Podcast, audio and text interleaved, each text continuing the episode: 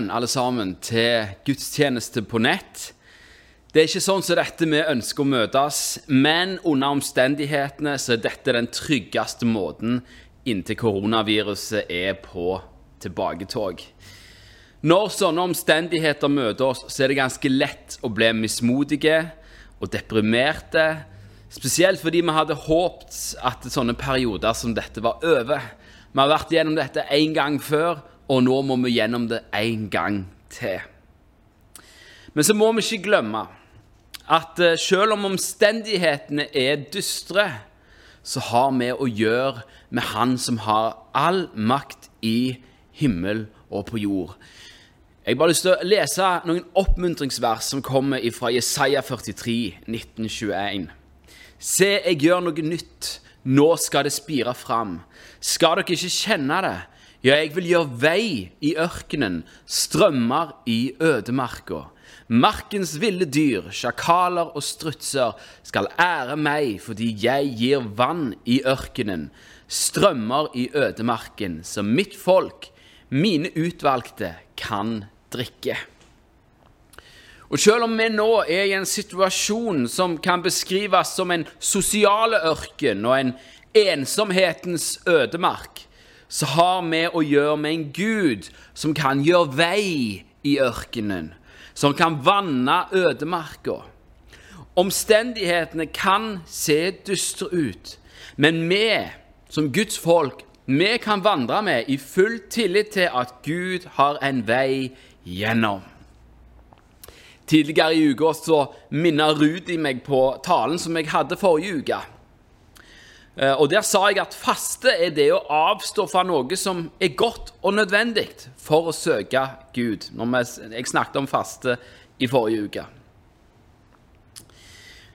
Det som har skjedd nå, det er at du har blitt avskåret fra noe som er godt og nødvendig, nemlig fellesskapet med andre troende, med andre kristne. Men sammen så kan vi nå de neste ukene bruke denne ufrivillige fellesskapsfasten, om du vil, til å søke Gud. Og så kan vi be med forventning om at Han vil føre oss nærmere seg i denne perioden, og at Han vil føre oss nærmere hverandre. Og så ber vi om at når vi en gang skal treffes igjen over nyåret, så vil det være med glede over å se hverandre og få, få kjenne hverandres fellesskap igjen. Skal jeg bare be litt for, for denne gudstjenesten og for denne samlingen. Kjære Jesus, jeg takker deg, Herre, fordi at du er den som vanner ørkenen. Du er den som gjør vei i ødemarka, Herre.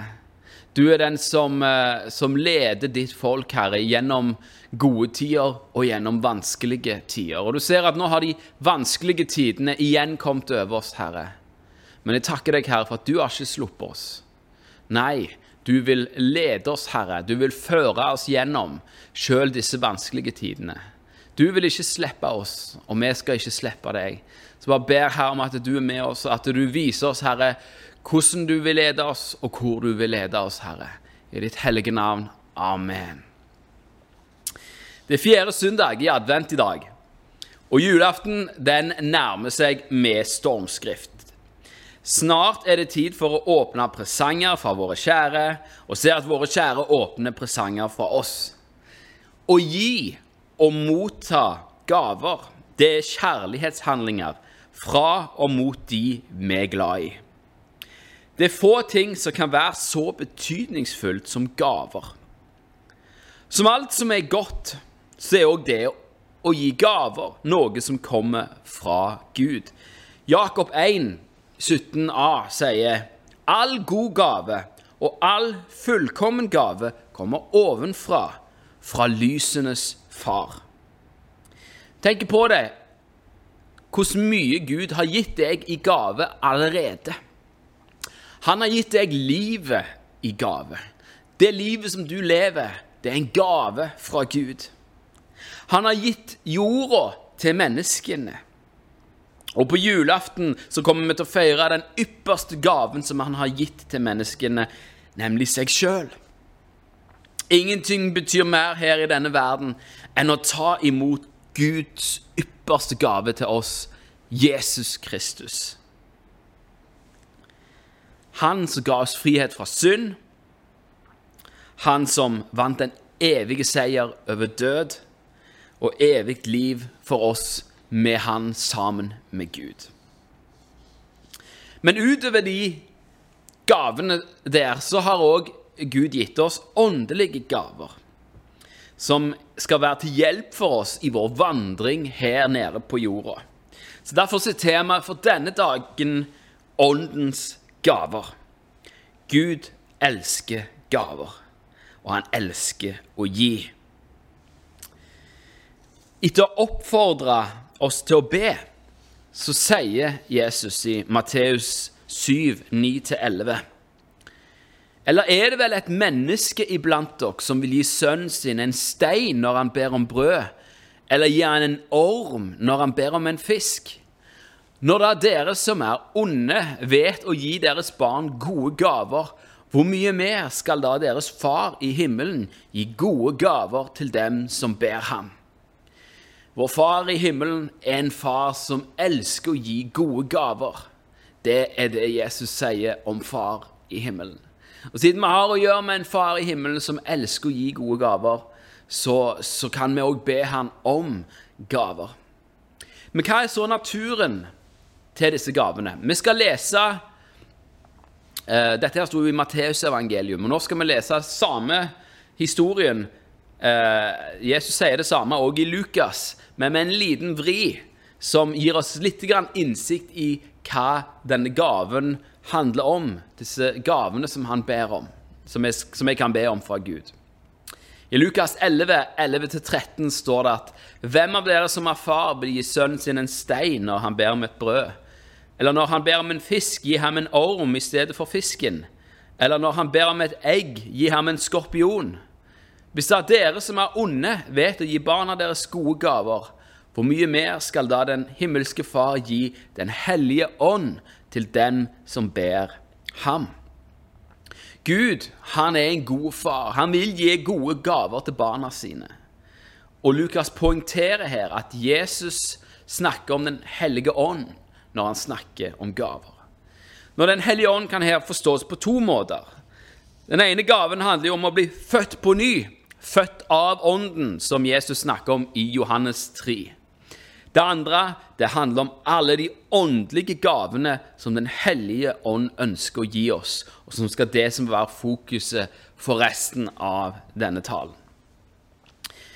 Vi møter Paulus sin undervisning om åndens gaver i 1. Korinterbrev 12.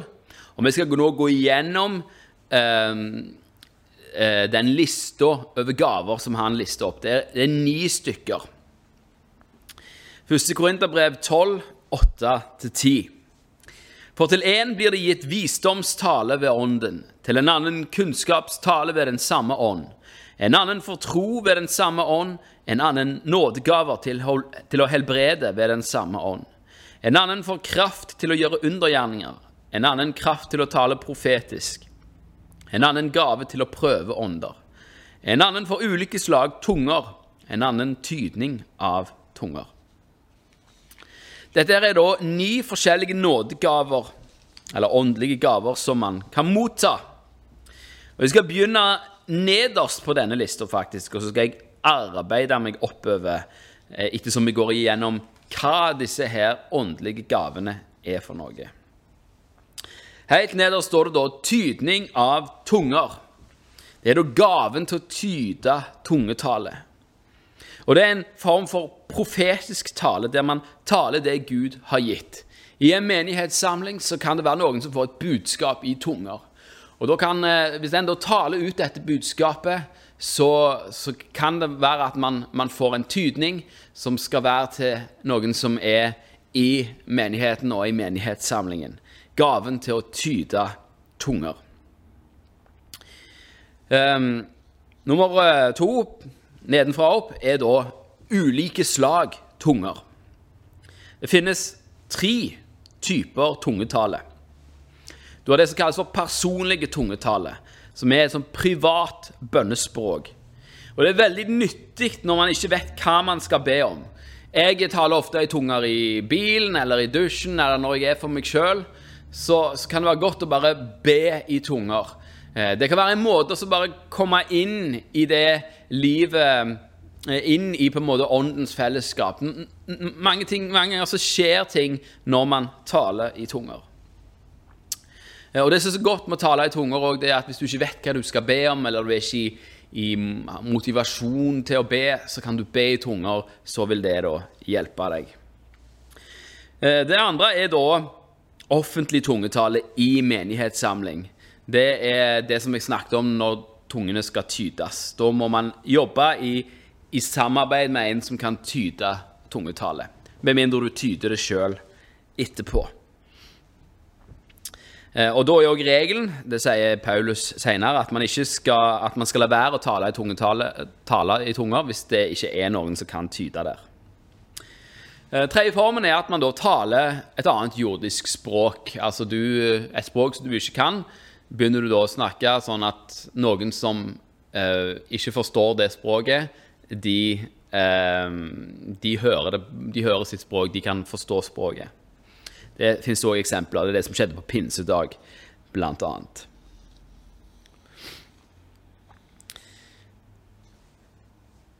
Så står det om en gave til å prøve ånder.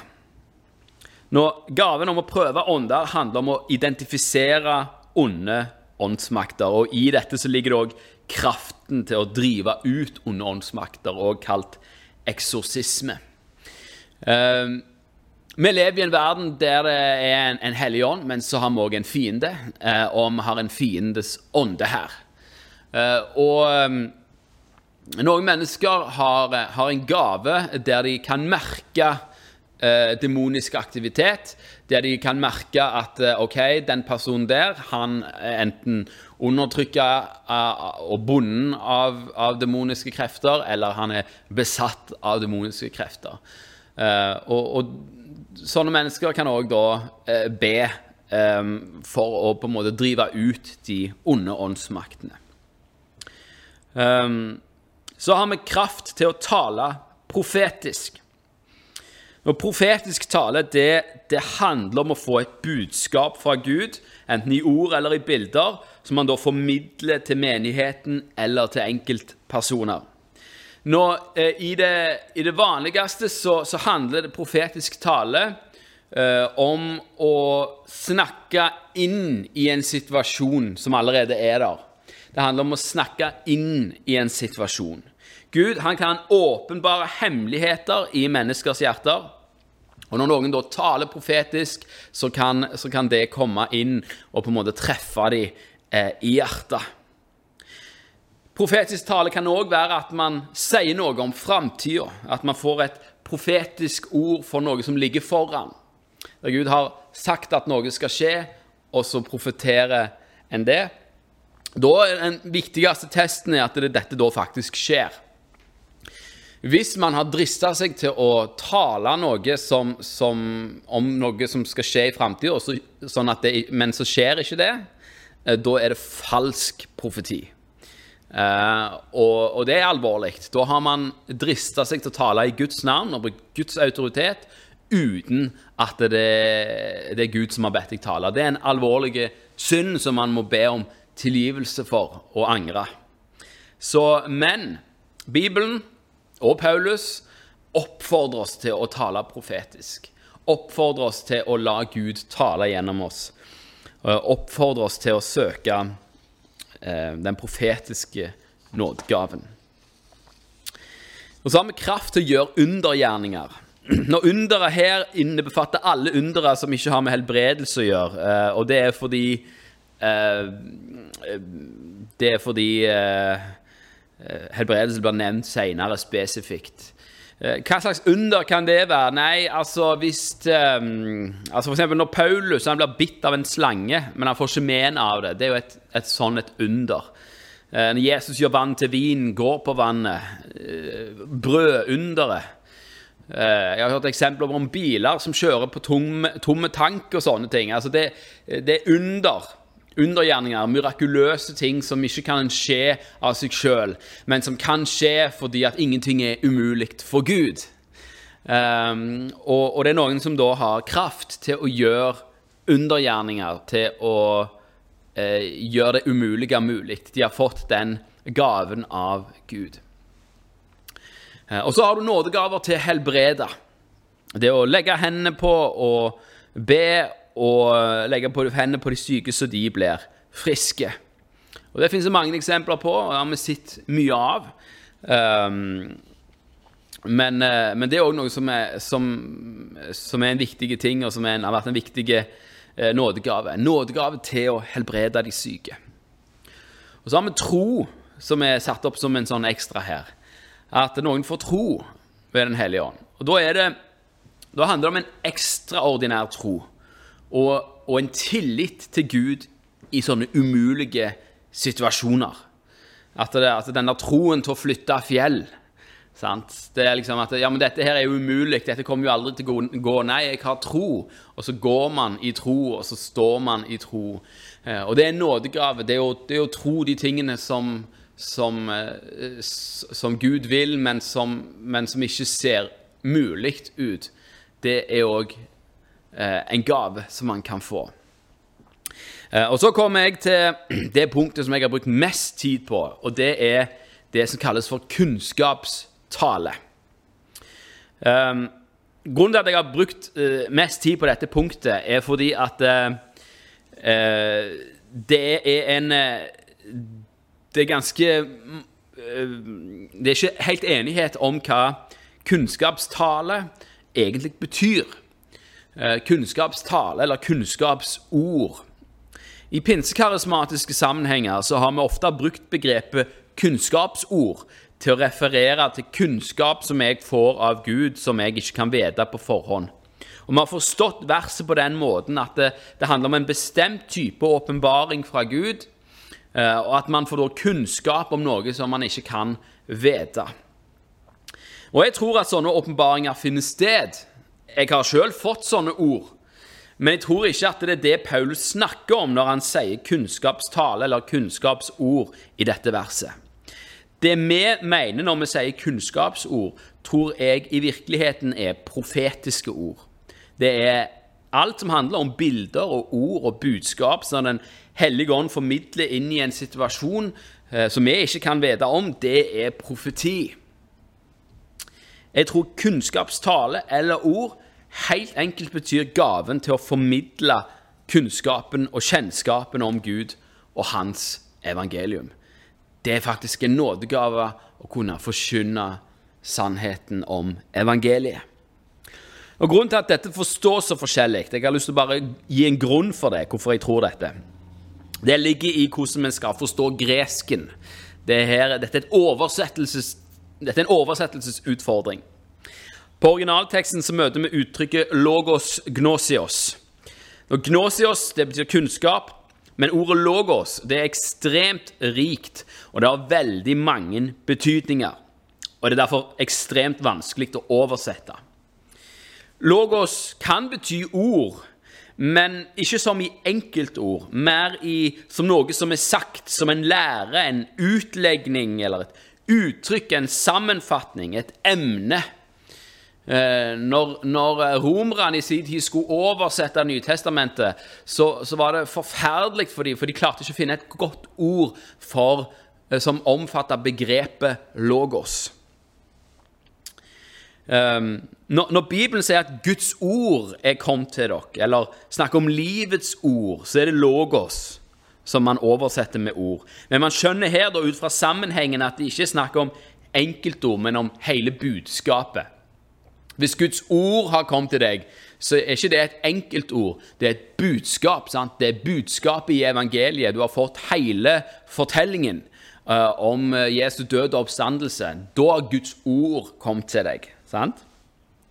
Så fordi logos er så rikt, så blir også uttrykket 'logos gnosios' og oversatt forskjellig i forskjellige bibeloversettelser. Jeg har sett ord som kunnskapsord, kunnskapstale, meddele kunnskap, formidle kunnskap. Så kunnskapstale blir da nådegaven til å formidle sannheten i Guds ord. Det er sånn jeg tror vi skal forstå akkurat den delen. Og Så er det visdomstale til slutt. da. Hva da med visdomstale? Jo, Der møter vi jo samme utfordring i forhold til ordet logos. Um, for der er det samme ord som blir brukt.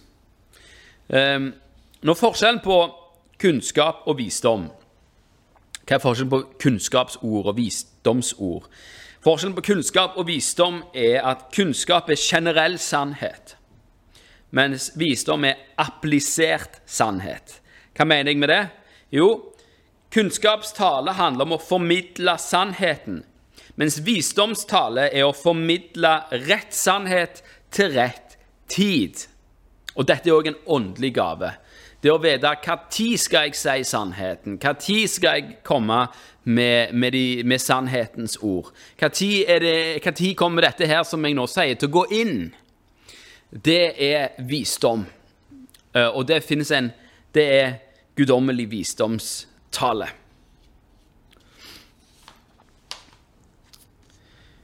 Så det var lista over åndens gaver som vi kan motta.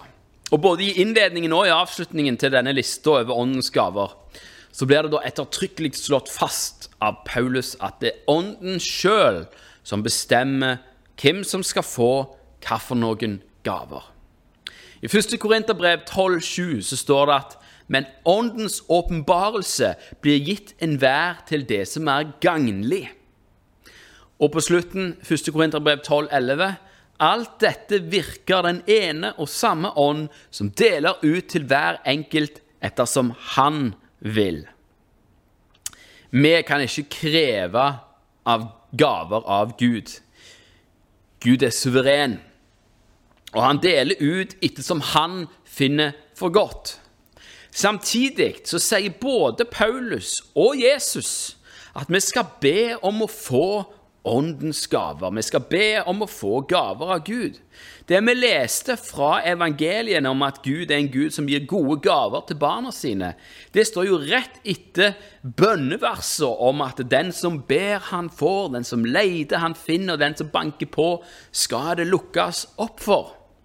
Paulus sier videre i 1. Korinterbrev 1231a at dere skal strebe etter de beste nådegavene. Hvis du streber etter noe, da, da er det noe du jobber med, du jobber for over lange tid. Og I 1. Korinterbrev 14, 1b, så sier han Søk med iver å få de åndelige gaver, særlig å tale profetisk. Så på en måte så er Gud suverene over sine gaver.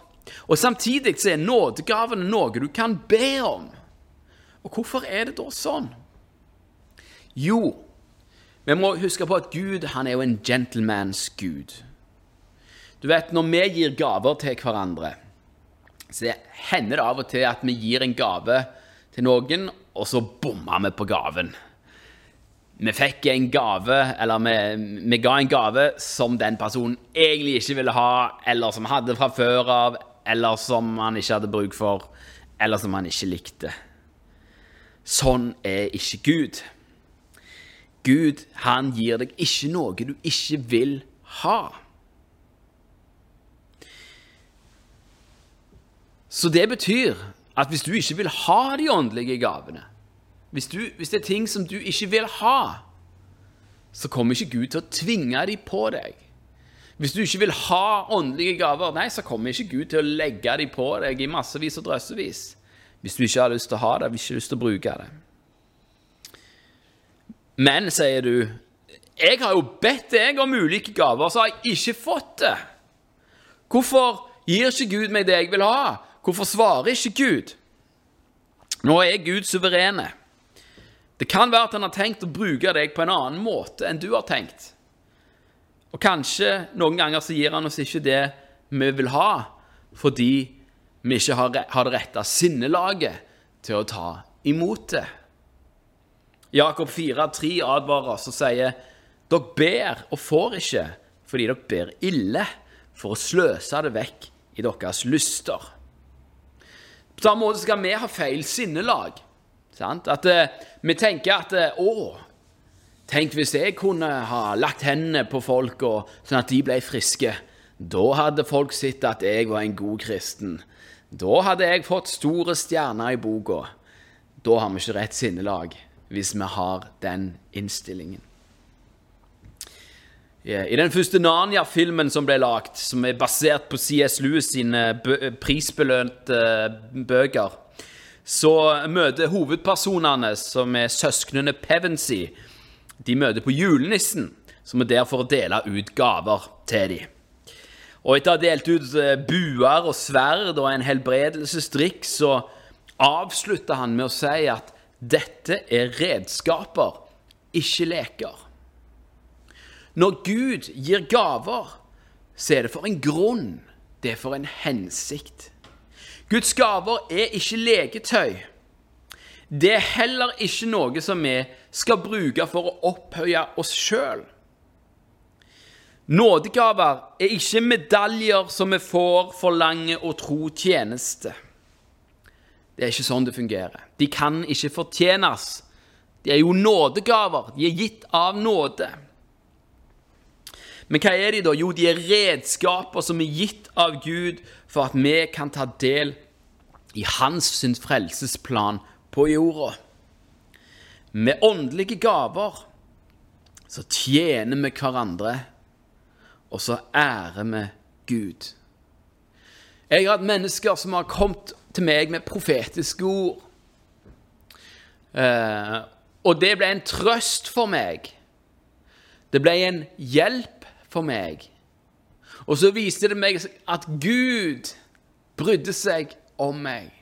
Og da tenkte jeg at den personen som, som kom med det profetiske ordet, han gjorde det i akkurat den ånd som, som, eh, som han var meint til. Det var et redskap. Gud brukte han som et redskap. Det var et redskap som han kunne bruke til å formidle noen sannheter. Til å formidle Guds trøst og Guds omsorg inn i mitt liv. Og på den måten så, så fikk han betjene meg, og så fikk Gud ære. Og det er sånn vi skal bruke de åndelige gavene. Vi skal tjene hverandre, og så skal vi ære Gud. Så er det òg noe når vi ber om å få de åndelige gavene. Så vi må òg huske på at i vår lengsel etter åndelige gaver så ligger det òg et ansvar. Hvis Gud gir deg en åndelig gave, så er det jo for at du skal bruke gaven i samsvar med troen. Hvis du har nådegaven til å helbrede, så må du be for mennesker som er syke. Hvis du kan tale i tunger, så må du bruke tungetalen. Hvis du har profetisk gave, så må du si videre det som Gud sier at du skal si. Og Så vil jeg òg si at vi trenger de åndelige gavene. Og jeg, jeg sier ikke disse tingene for at eh, vi ikke skal søke de åndelige gavene, fordi vi trenger de. Vi klarer ikke å og vi vet ikke alltid, og vi klarer ikke alltid å, å, å, å tjene Gud på en sånn en måte som vi skulle ønske. Vi klarer ikke alltid å, eh, tjene og, eh, gjøre det som, som, er, som er, vi er kalt til å gjøre. Og vi trenger hjelp. Og disse åndelige gavene de er der som en hjelp. Nådegaven til helbrede er for å vitne om Guds makt, kraft og omsorg og kjærlighet. Kraften til å gjøre under handler om at Gud har kontroll over alt. Han har makten over alt. Visdom og kunnskap, det handler om at Gud er smart. Han vet best. Og vi kan få lov til å ta del i det at han vet best.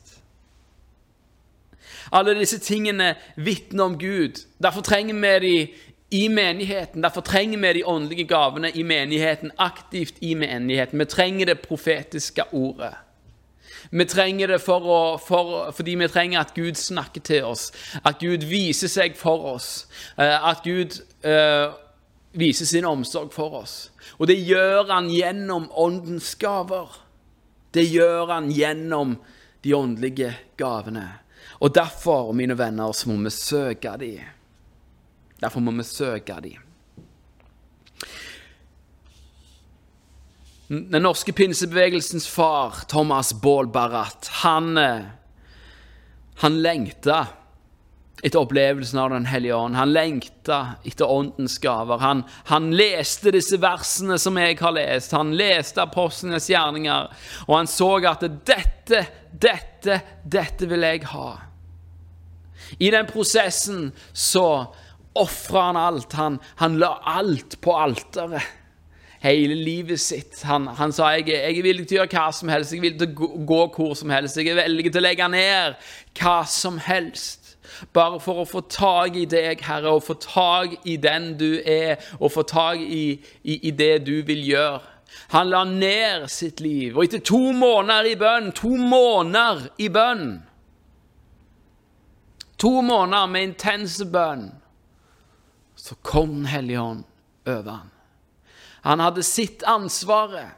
Han var villig til å betale prisen for å få disse gavene, for å forvalte de gavene. Og forvalte de gavene, det gjorde han.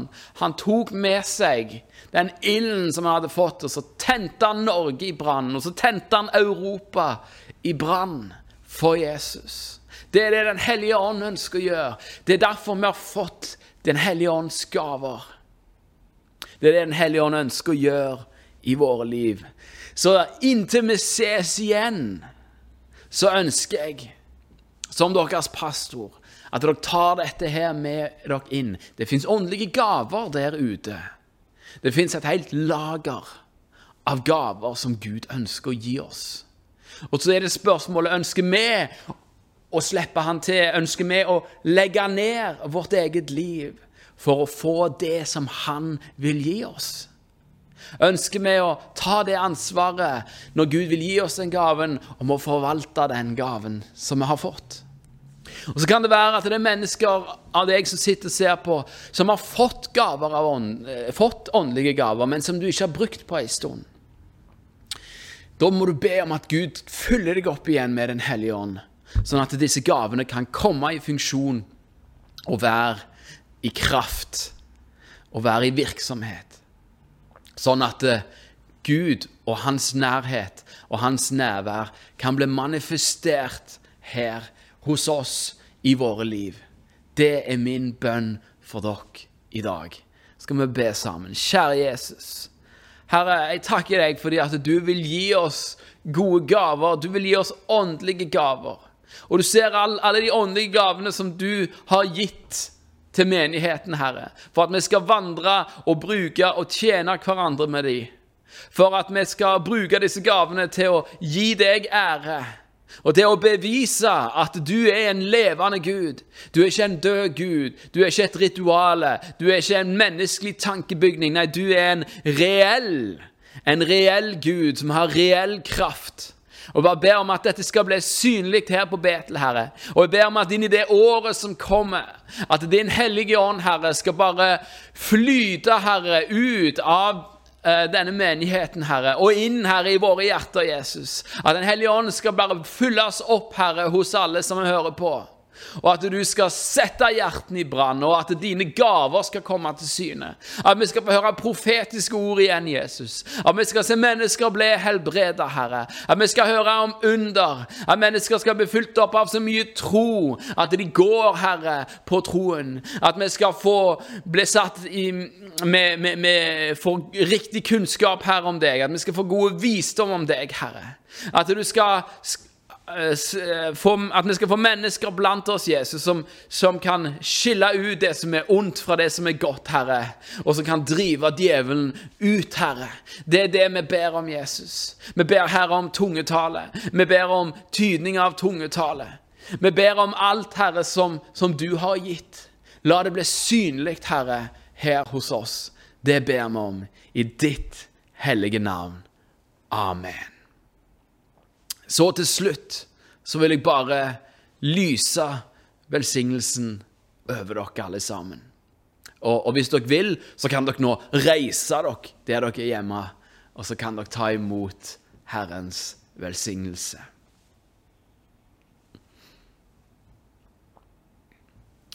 Må Jesu Kristi nåde,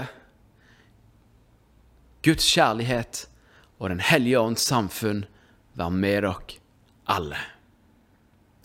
Amen.